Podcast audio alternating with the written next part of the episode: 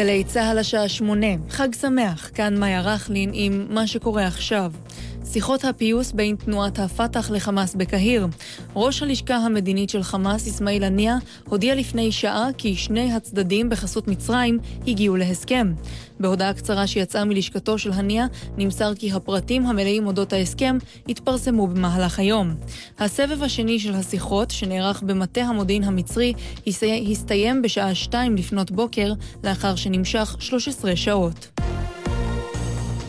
פייסבוק משנה את המדיניות כלפי פרסום הודעות פוליטיות לקראת הבחירות לקונגרס האמריקני הנערכות בשנה הבאה.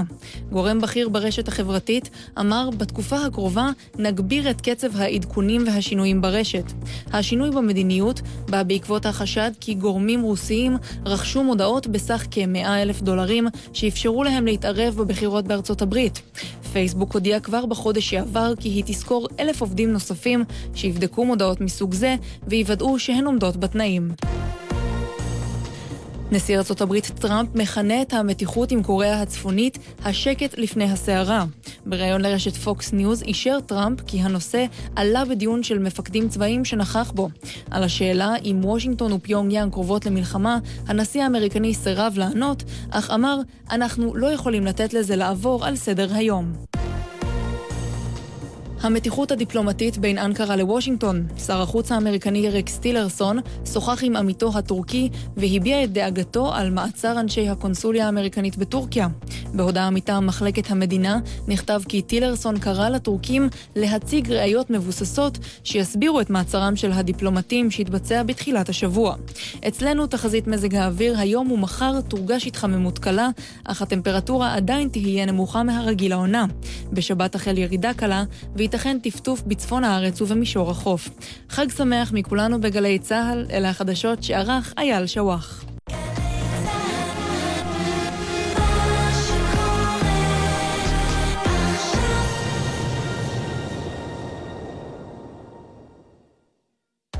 עכשיו בגל"צ, יורם רותם.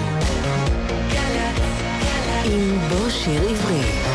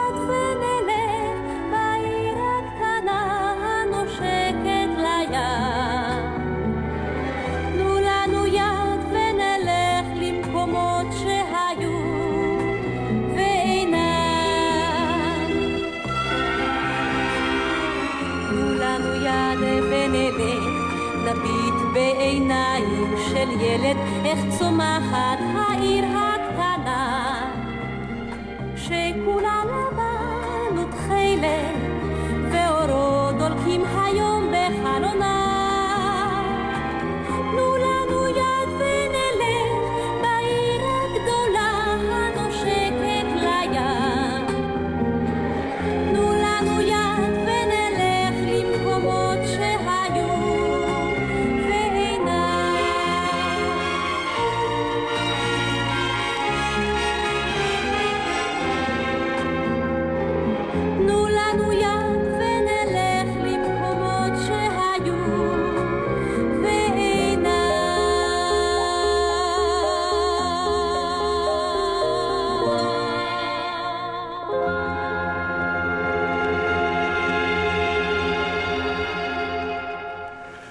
שלום לכם, חג שמח, כאן באולפן גלי צה"ל, הטכנאי יהודה רבינוביץ', אני יורם רותם, ואני שמח לארח כאן את אה, חוקרת תולדות העיר תל אביב-יפו, שולמית שולה וידריך. שלום שולה. שלום וברכה, חג שמח. ו... אתה יכול לקרוא לי שולה. שולה זה בסדר? כן. כי את חוקרת העיר תל אביב, ואת גם האימא של תל אביב. אני אוהבת את תל אביב, גם את העיר וגם את ביתי, ששמה תל אביב.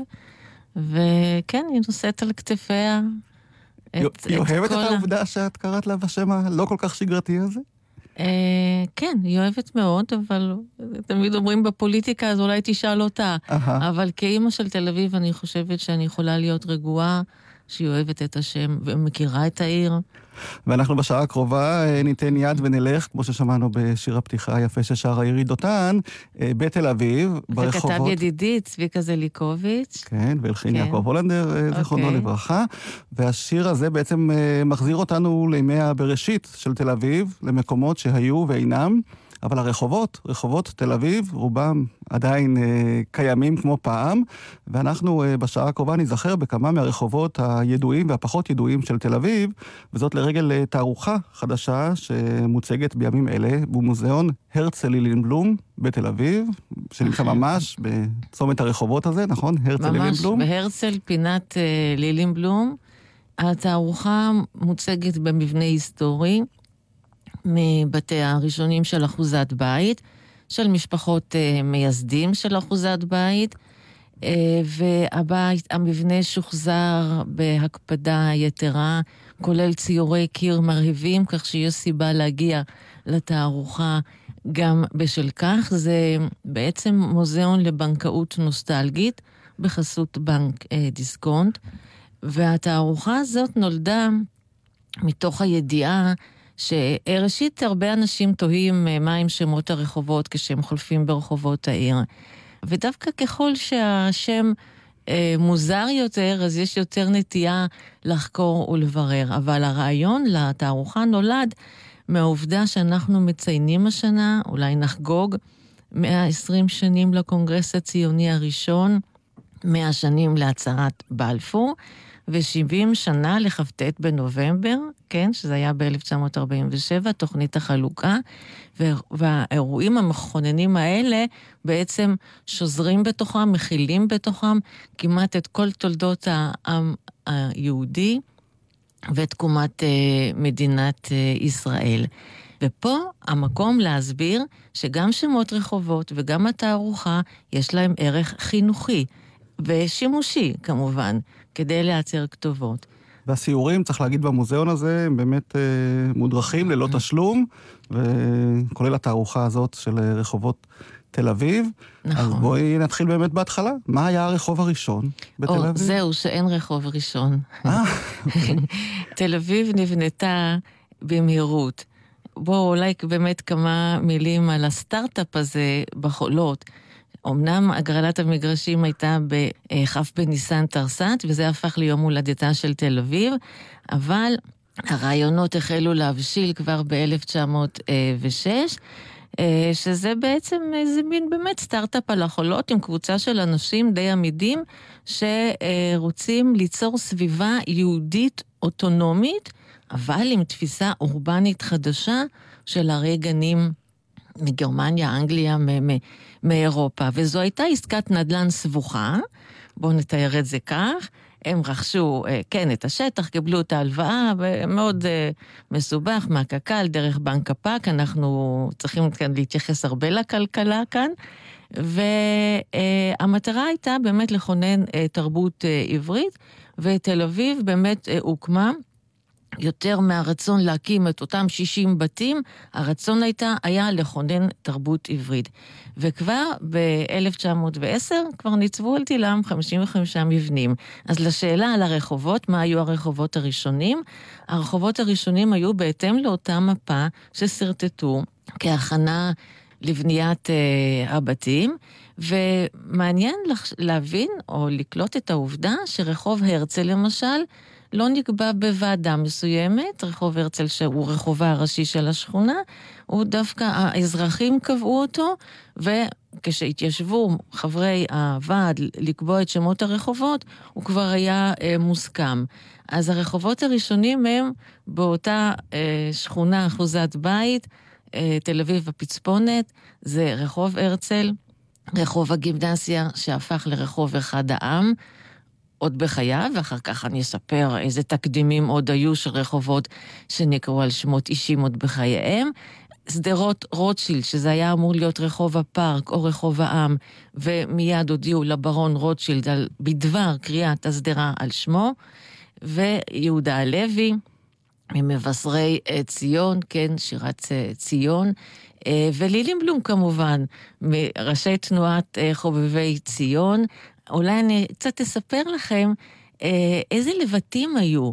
הרי רחוב, הרחוב שניצב מצד מערב לגימנסיה, שהיום זה מגדל שלום, נקרא רחוב השחר. כי הייתה התנגדות לקרוא בשמות אה, גלותיים, כמו פרץ סמולנסקין, שעיתונו השחר. כן, זה היה העיתון, או הירחון השחר. אז החליטו שלא לקרוא על שמות של עיירות או ערים בגולה, כמו סמולסק או, או פינסק, כמו פינסקר. Uh-huh. אז קראו לרחוב השחר, ופינסקר גם קיבל רחוב קטן בשכונה הקטנה, אבל הייתה להם כבר מודעות שאם השכונה תתפתח, אז אישים בעלי שיעור קומה פתאום ימצאו את עצמם בסמטה קטנה, ופינסקר באמת מצא את התיקון שלו לימים במקום אחר.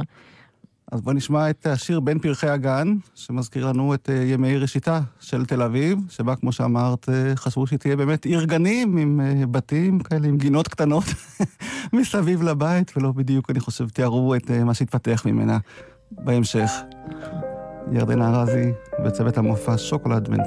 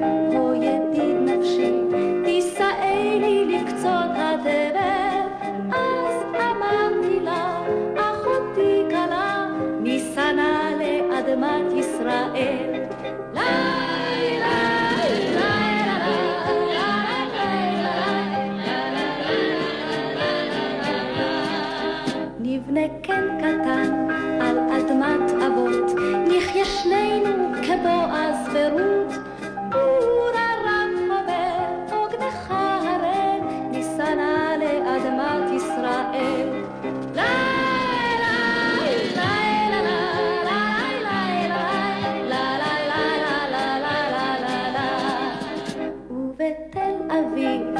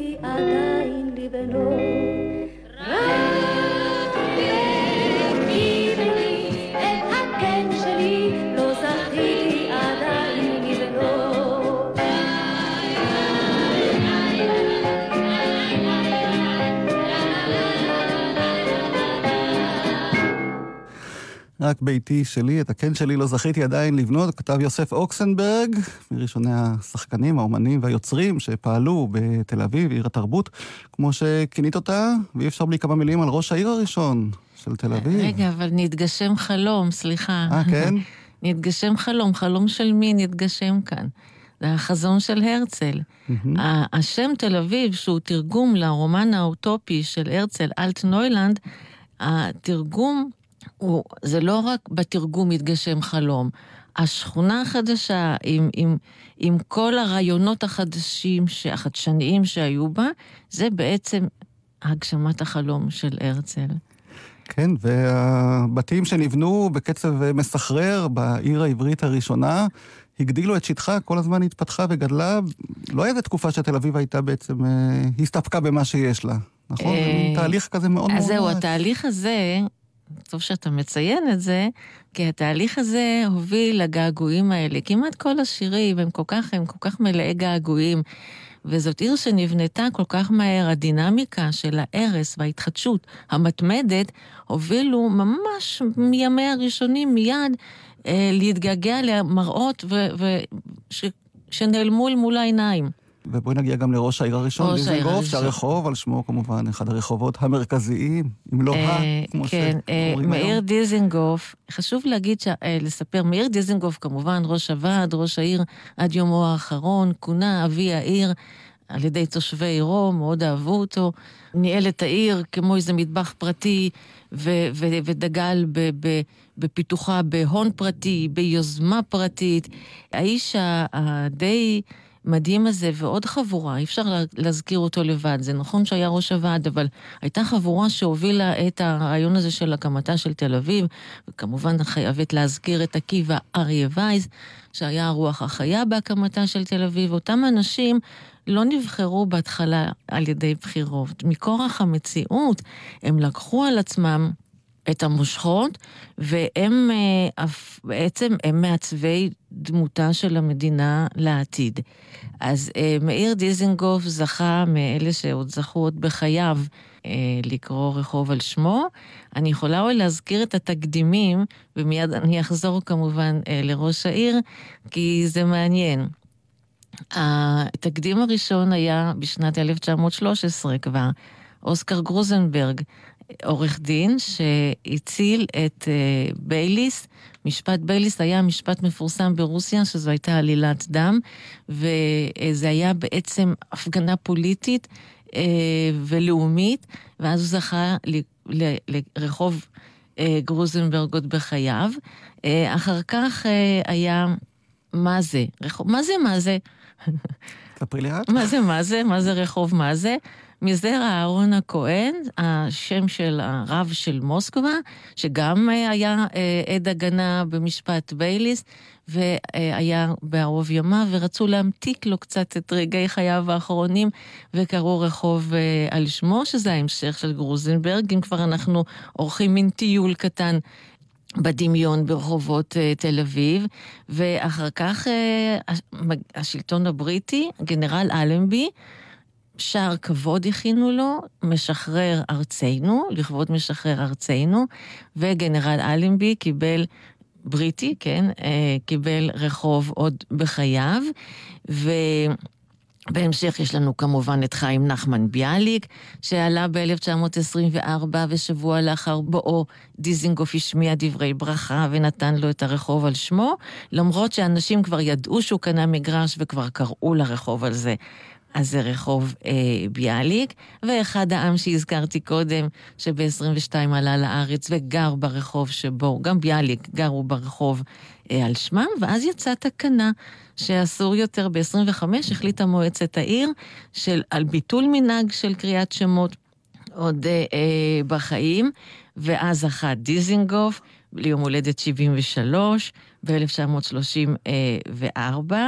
אה, והמלך ג'ורג' החמישי, עוד אנגלי, אה, בימיו ניתנה הכרזת בלפור, כבר אנחנו סוגרים את המעגל של אה, שמות על, שמזכירים את נושא הצהרת בלפור, והמלך ג'ורג' החמישי, שזה רחוב קינג ג'ורג', אלה הרחובות שנקראו על אישיים עוד בחייהם. והזכרנו את דיזנגוף, אז באמת הרבה שירים נכתבו על דיזנגוף, אבל אני רוצה להשמיע את השיר של נתן אלתרמן, רינה, ואלתרמן כתב כמה שירים תל אביבים כמובן, אבל גם בחלק מהם הוא ציין uh, כתובות מדויקות, כמו התופרת מ"צריך לצלצל פעמיים", כתובתי הגליל מספר 2, ואצל רינה זה כמובן דיזנגוף 80, 80 קומה כן. שנייה משמאל, שלא יהיה ספק למי שצריך לדעת איפה גרה רינה. אז רק רינה. אני יכולה לספר משהו, כן.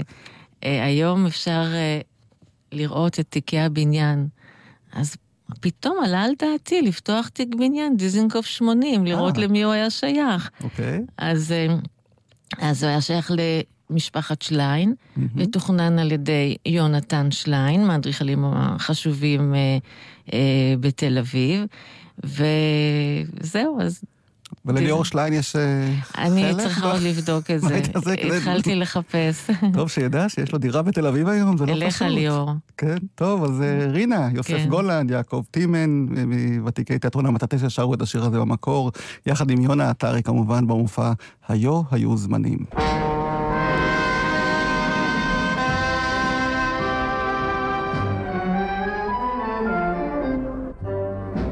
תדבר בקול דרמטי, אל תהיה כל כך עדין.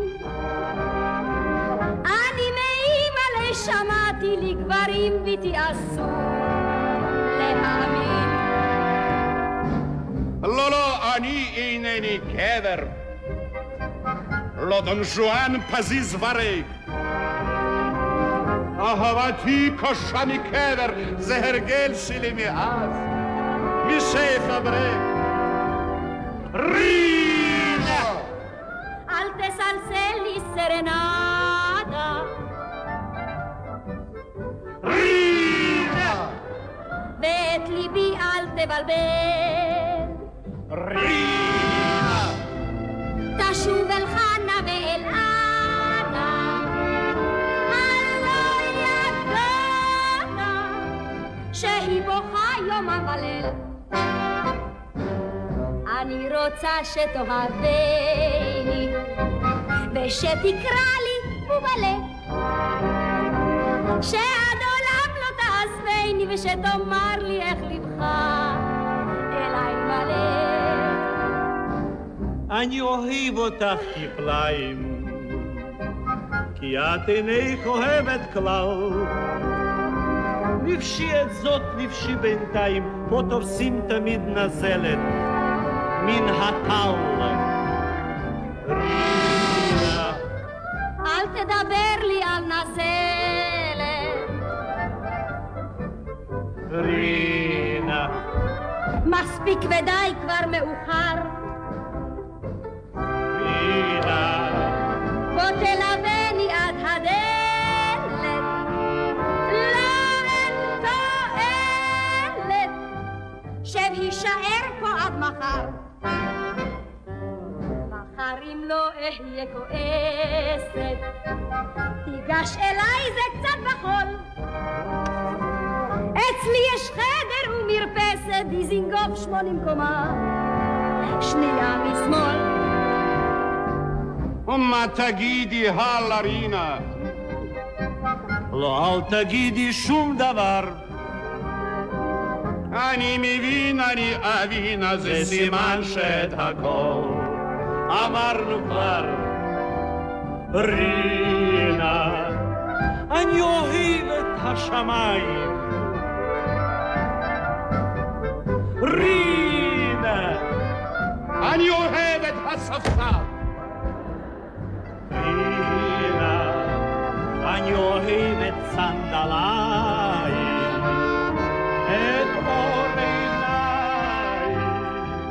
את ארנקך אשר נפל.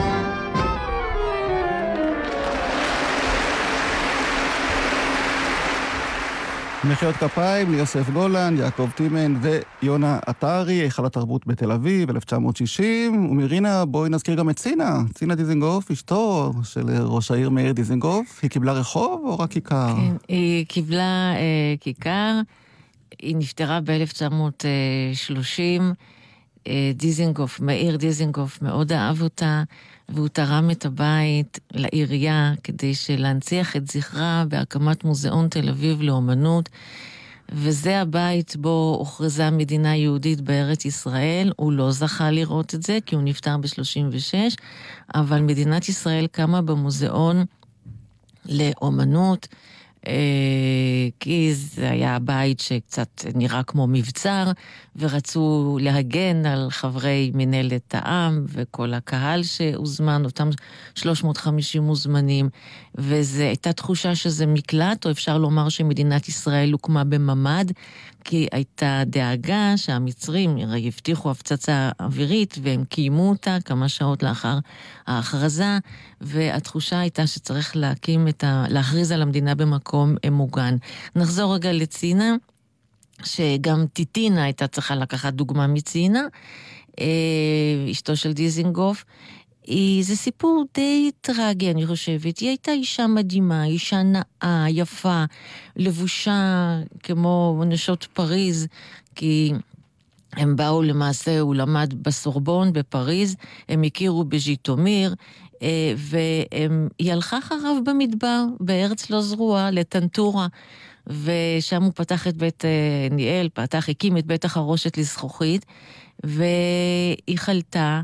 ונסעה ללדת בפריז, ובמכתב שהוא שלח לחברים שלו הוא כתב, לאשתי ולביתי שולמית שלום, הורתה הייתה בציון, לידתה בפריז, וכנראה שגם התינוקת הייתה חולה בקדחת, זה, זו הייתה המחלה, והיא נסעה אה, להחלמה לשוויץ, ושם התינוקת נפטרה בגיל חודש וחצי, ורק לאחרונה נמצא המקום שבו היא נפטרה, והוצבה לוחית אפילו, לוחית אה, זיהוי לתינוקת על המצבה של צינה ומאיר דיזינגוף.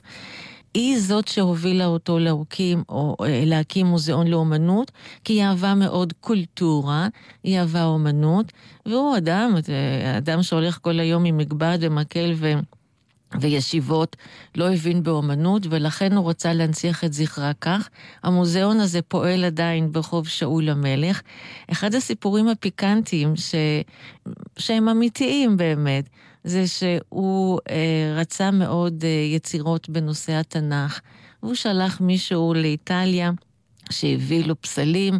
דוד של ברניני ומשה של מיכלנג'לו, והוא רצה להציב אותם במרכז המוזיאון, והאומנים שהקיפו אותו הסבירו לו שאין לזה ערך אומנותי, שזה נמכר באלפים בכל חנות מזכר, אה, למזכרות, לתיירים ב- ב- באיטליה, ולבסוף הוא נאות להציב את הפסל על גג הבית ליד חדרו. כל הבית היה מוזיאון, הוא נשאר לבד. וסידרו לו שני חדרים ושירותים, וליל בהיר אחד, על מגדל המים ממול היה גם המשטרה. ומפקד המשטרה ראה דמויות רוכנות על עבר דירתו של דיזינגוף. אז נשלחו שוטרים נועזים במיוחד שטיפסו בשקט על הבית שהרוצח לא ישמע, ואחד מהם, אם עלה בידו, חבט בכוח על ראש משה ושבר את קרניו. ודיזינגוף יצא לבוש פיג'מה מחדרו והביט בתדהמה בשוטרים, שאמרו לו, אבל חשבנו שבאו לרצוח אותך. הוא אמר, זה משה של מיכלנג'לו יישאר בביתי אפילו בלי קרניים. ועוד להמשך הסיפור, בעיתונות בשנות החמישים, אני מגלה שאחד מחברי הדירק... הדירקטוריון של המוזיאון מגלה שיש רטיבות מהגג, עולה לגג ורואה פסל ענק של משה, בלי קרניים כמובן, היו לו קרניים כי קרן עור פניו, כך תרגמו את זה, ומכר את הפסל בלי לשאול את כל חברי הדירקטוריון למישהו בחיפה, ואז מתחילה ממש מהומה גדולה, איך הוא העז למכור את זה, אז אם מישהו רואה פסל בלי קרניים בחיפה, תדעו וואו. שזה ממוזיאון תל אביב לאומנות, שהיה ברוטשילד 16. בביתו של מאיר דיזנגוף, שתרם אחר כך את הבית לילדי תל אביב. עוד פרט קטן על צינה, כי נגררתי שוב לדיזנגוף. צינה ניהלה בבית הזה סלון, סלון תרבותי, סלון פוליטי.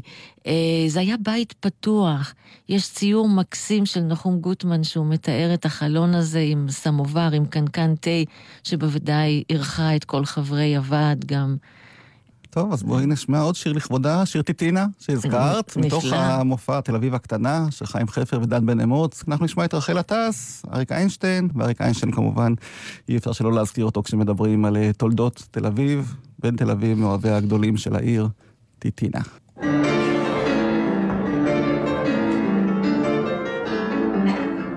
טיטינה, טיטינה, מרה בפלסטינה, אני כלל לא אבינה, מרה בתל אביב. אפרים אוי אפרים, לך אין מכנסיים, ולי אין נעליים, רק בדואים סביב.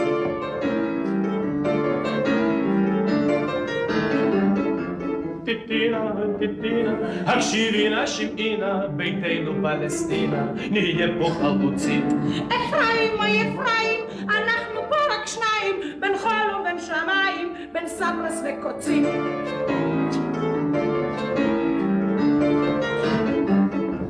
טיטינה, אוי טיטינה, חזקי והתגברי נא, תקחי דוגמה מצינה, אשתו של דיזינגוף. אפרים אוי אפרים, ספינה יש על המים, קחני בידיים, ליפו אל החוף. טיטינה, אוי טיטינה, לך צריף נחמד התקינה, אך אם תיסעי לווינה, את לעצמי ביד. אפרים אוי אפרים, אין נזק בוץ למים, קחני בידיים, נחיה יחדיו לעד.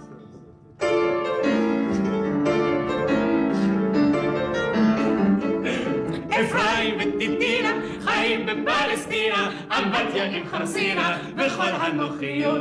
טיטינה ואפרים כבר הסתגלו בינתיים, יש כסף כמו מים, העיקר הבריאות.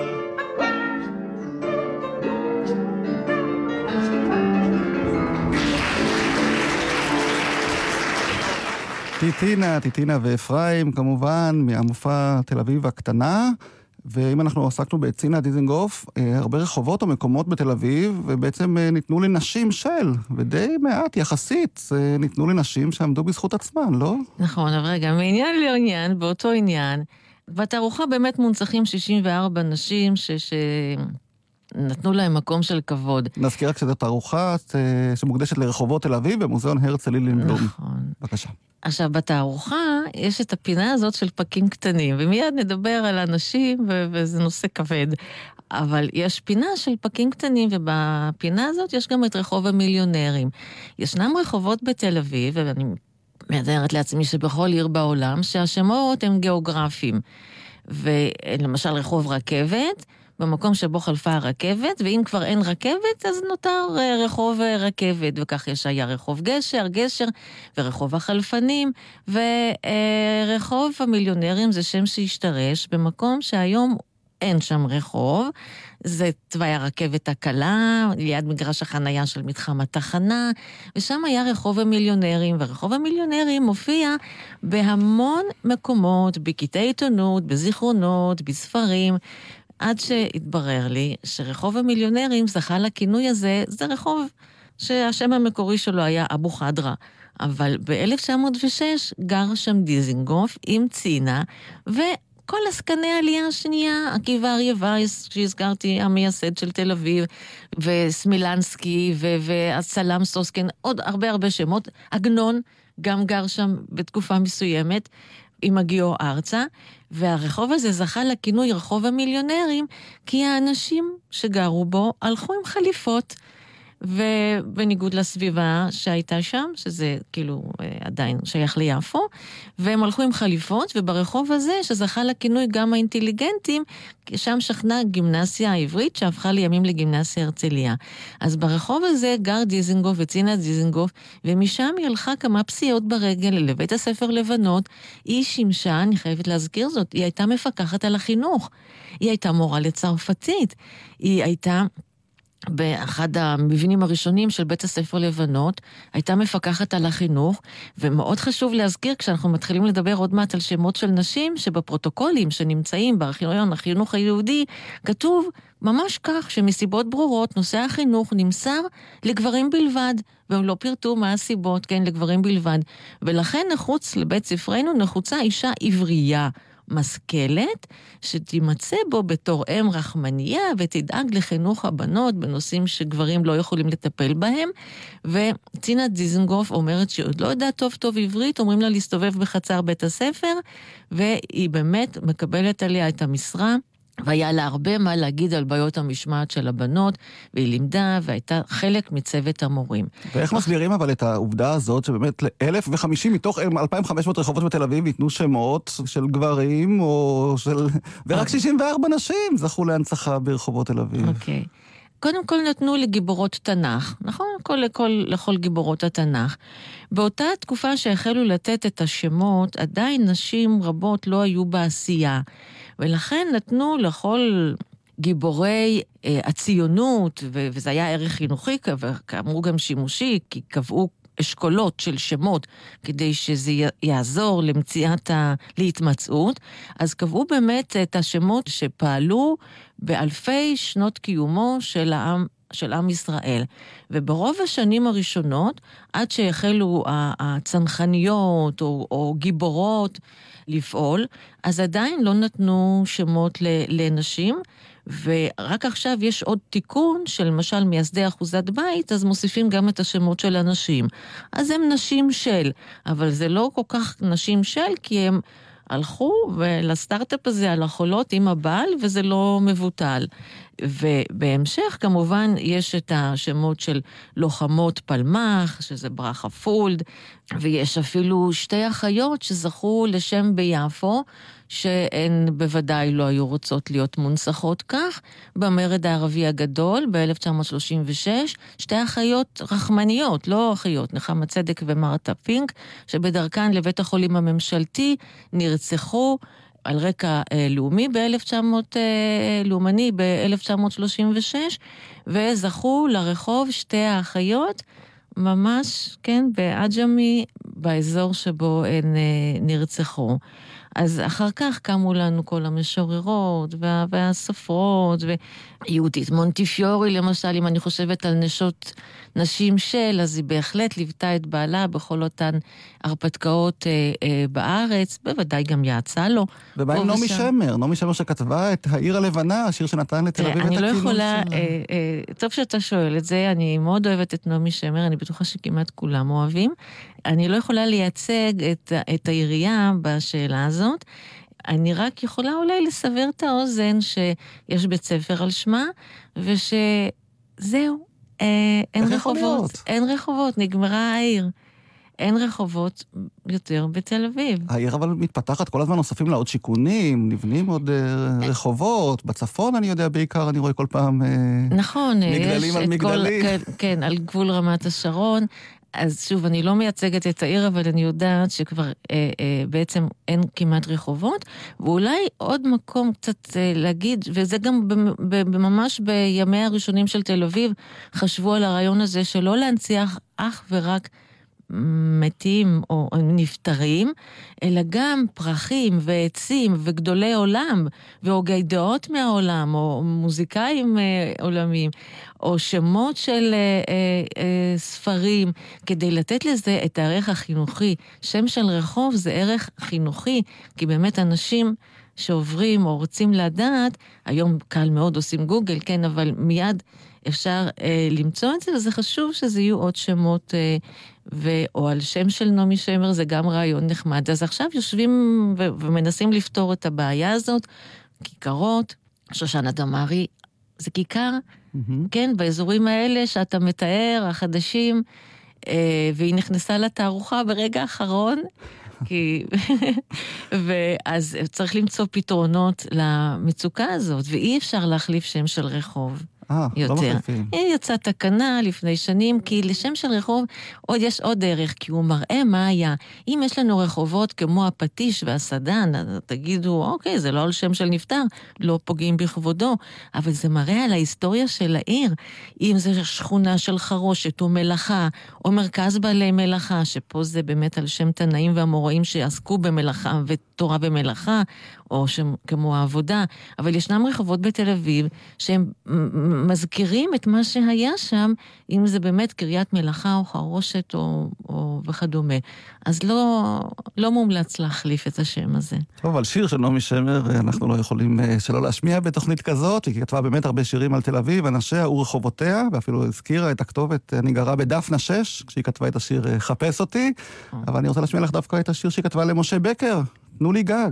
היא מזכירה בו כמה מרחובותיה של תל אביב, ואת הבקשה הכל כך פופולרית הזאת של צעירים שרוצים לגור בתל אביב, ולא תמיד מוצאים דירה שהם יוכלו אה, להיכנס ולגור בה, לא מבחינת המחיר, לא מבחינת המיקום, אבל אה, זה לצרות כבר של מי שרוצה לגור בתל אביב, ובא אליה בדרך כלל מבחוץ. שיגורו בדיזנגוף 80.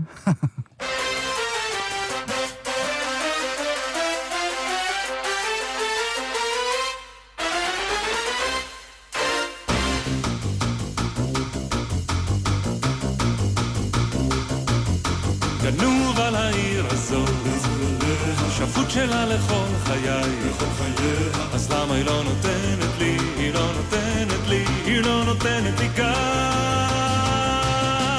תנו לי גג, ואני הופך את העולם, תנו לי גג. על יד הבים, על יד הים, מול גן העצמאות או מול המלונות. כל גג שתמצאו אני מוכן היום לקנות, תנו לי גג. אני סגור, אני נחנק, תנו לי גג. שיהיה קטן, שיהיה ענק, לא בבלי, לא למד, לא רמת אביב, אני רוצה את הגג שלי באמצע תל אביב. אני גנוב על העיר הזאת, שפוט שלה לכל חיי, אז למה היא לא נותנת לי, היא לא נותנת לי, היא לא נותנת לי גג. תנו לי גג, אני בכלל לא מפונק, תנו לי גג. שיהיה קק"ל, שיהיה רנק, אני שובר גגות מילדותי, אצלי כל גג הוא גג משמעותי. ברחוב הניצולה או גרץ או בר גיורא,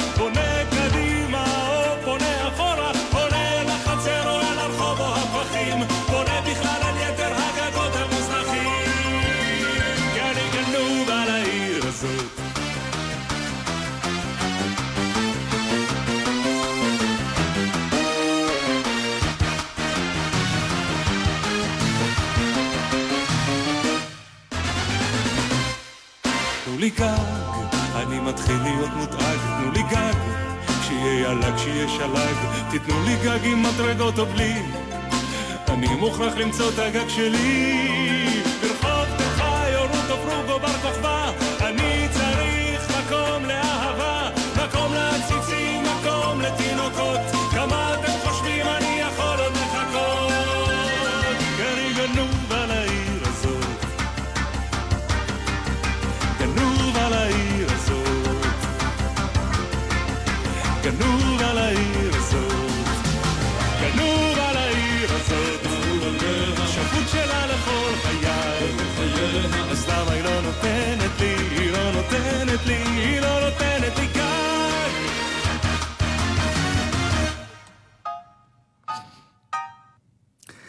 גג, שר משה בקר, שאלה שנשארת אקטואלית עדיין אצל הצעירים שכל כך רוצים לגור בתל אביב ולהישאר בה.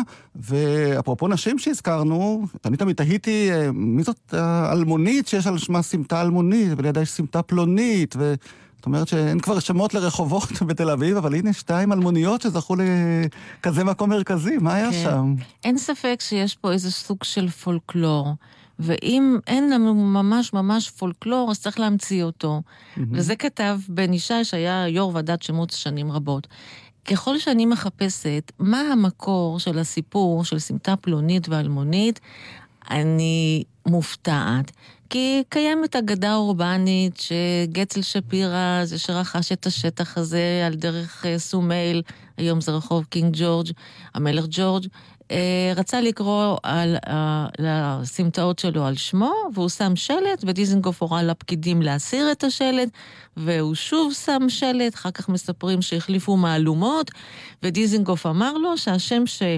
ייקרא הרחוב הזה, הרחובות שלו, לא יזכירו אפילו במעט את השם שפירא, וכך נולדו פלונית ואלמונית. ואני מחפשת במפות. שפירא נפטר בתחילת שנות ה-70, דיזינגוף נפטר ב-36, ועד שנות, סוף שנות ה-50, ככל שאני מחפשת במפות, אני לא מוצאת אה, את השם של סמטה פלונית ואלמונית. ויתרה מכך, מצאתי כתבה בשנות ה-60 של העיתונאית הוותיקה תקווה ויינשטוק, שכתבה שהסוחרים בסמטה הזאת מתלוננים שאין להם כתובת. זה המלך ג'ורג' 18, המלך ג'ורג' 18 א', וכך הלאה וכך הלאה. אז השם, פלונית ואלמונית, הוא חדש יחסית, כך שאין לי היום את מי לשאול. יש אמנם תקווה שתהיה בריאה, אבל אה, זה הסיפור. אז פלונית ואלמונית, דרך אגב, אלמונית פלוני מופיע במגילת רות, הוא, הוא מהמקורות, ו...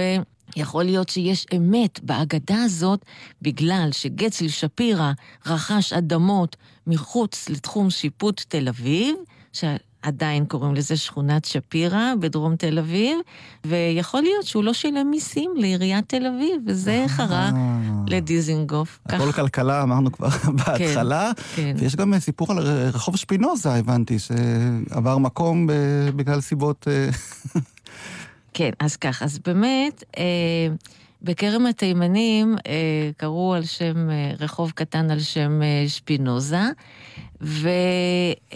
והסתבר שהתושבים איכשהו לא כל כך הצליחו לקרוא את השם שפינוזה, וראו בו את המילה ספונג'ה. ואני לא יודעת, זה כתוב בעיתון, אז אני מצטטת את מה שכתוב בעיתון, באמת, אה, אה, בלי אה, לפגוע. באותה תקופה, נשות הכרם התימנים בדרך כלל כן עבדו, רובן התפרנסו מספונג'ה, והם ראו בזה פגיעה. והעבירו את, ה, את, את הרחוב הזה לצפון תל אביב ב-35. עכשיו, אחד השמות שתמיד שואלים אותי, תמיד, תמיד, תמיד שואלים אותי, מי זה בוקי בן יוגלי? אוקיי, אז בוקי בן יוגלי זה רחוב קטן, צמוד לגן מאיר. זה שם עט של דוקטור יהודה לייב כצנלסון עם קוף, לא עם כף. ומה זה בוקי בן יוגלי? זה שמו של נשיא משבט דן. אז זה בדרך כלל השאלה שכולם שואלים, מי זה בוקי בן יוגלי, תמיד כשפוגשים אותי. ומי זה שנקין? בוא נזכיר, בואי נזכיר, זה באמת אה, אוקיי. הרחוב על שמו הוא אחד הרחובות המרכזיים ביותר. אז כך, שנקין הגה את הרעיון של ארגון בעלי מלאכה. והיום רחוב שנקין זה הרחוב שהוא הרחוב הראשי של שכונת בעלי מלאכה. אני נולדתי בשנקין, mm-hmm. וזה לא היה שנקין אין, היום הוא, הוא פחות או יותר קיבל אה, איך שהוא הפך לדיזינגוף, כי דיזינגוף ירד ממעמדו קצת, או שעכשיו כבר הכל בעצם, אה, גם דיזינגוף, לא, הכל בסדר. אבל הייתה תקופה, שנות החמישים, השישים, עם, עם כסית, עם רובל, עם קליפורניה, שזה היה באמת אה, לראות ולהיראות, וזה היה מרכז הבוהמה, ואחר כך זה נדד ל, ל, לשיינקין. אה, שזה תוכנית החייאה של העירייה, זה לא נולד אה, כך סתם. מה שנוצר ביטוי, שנקינאי. שנקינאי, וגרה בשנקין, ושותה בקפה תמר. אה, שגם הוא כבר לא קיים. שכבר גם לא נכון. קיים, כן, בניהולה של שרה שטרן, וגם שם היה מרכז הבוהמה. אז שנקין הוא בעצם עסקן ציוני, הוא זה שנתן את השם תל אביב, על פי תרגום ספרו של הרצל אה, אלטנוילנד, והוא היה זה שהיום ככה נכנס למיתולוגיה העירונית, שזה שהתנגד לקיוסק, כי תל אביב הוקמה על פי רעיונות הרי גנים, ללא חנויות ובתי עסק, וכדי להקים את הקיוסק ניטשו מריבות, ושיינקין היה מראשי המתנגדים, כי זה מביא לכלוך וזוהמה, והוא לא ידע שיבוא יום והוא יהיה שיינקין, והוא נהרג בתאונת דרכים. ב-1925 בשיקגו, וזהו, היה אחד מהעסקנים החשובים, הרעיון של גימנסיה הרצליה בתל אביב. אז בואי נשמע את השיר גרה בשיינקין כמובן, שיאיר לפיד כתב, ורמי קליינשטיין הלחין לשלישיית מנגו.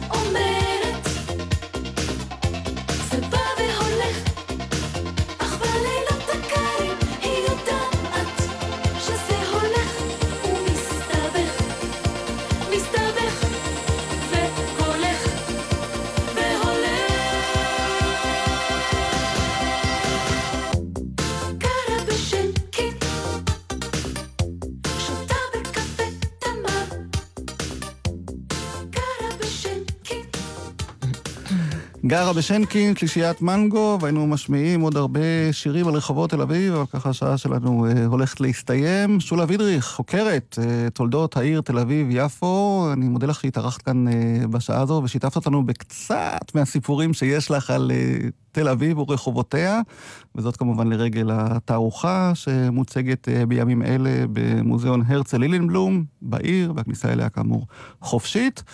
תודה ליהודה רבינוביץ', טכנאי השידור, אני יורם רותם, ובואי נשמע את אחד הלהיטים הגדולים אה, שנכתבו על תל אביב ורחובותיה בשנים האחרונות, דרך השלום של פאר תעשי, ונזכרתי שהשיר הזה כל כך הצליח, שכשאילנה דיין אה, נבחנה כאן בבחינות, אה, בבחינות הכניסה לגלי צה"ל לפני הצבא, אז היא גרה ביד אליהו, ואמרו לה, את גרה בדרך הניצחון. את יודעת על איזה ניצחון מדובר? אז היא אמרה, כן, אבל הרחוב הזה מגיע גם לדרך השלום. אתם יודעים על איזה שלום מדובר? והיא התקבלה על המקום. אז להתראות. שולה מדריך, תודה רבה. והנה פאר טסי. אני יורם רותם. תל אביב לפני חצור, הרוח לא רוצה לנשור, ועל החוט לא מרפה אותי חונקת. בבית קפה בין השכונות עוד לא כיבו את האורות על כיסא ישן לבדי יושבת אני לא בטוח מה לומר אם כדאי בכלל לגשת לסגת ורוח באה מן הים, היא משליכה מבט קטן, אותי מזמינה לשבת.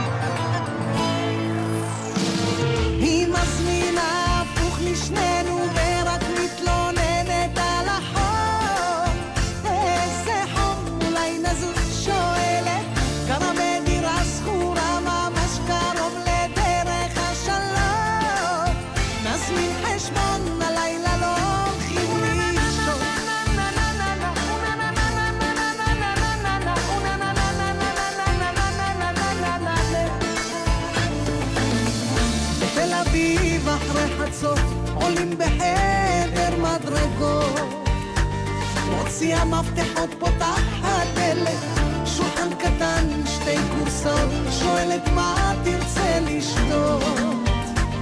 אני מרגיש ממש כמו דמות מסרט, שתי כוסות על השולחן, והיא מוזגת ומוזגת, אותי גומרת. פותחת עוד יין לבן, זורקת לי חיוך קטן.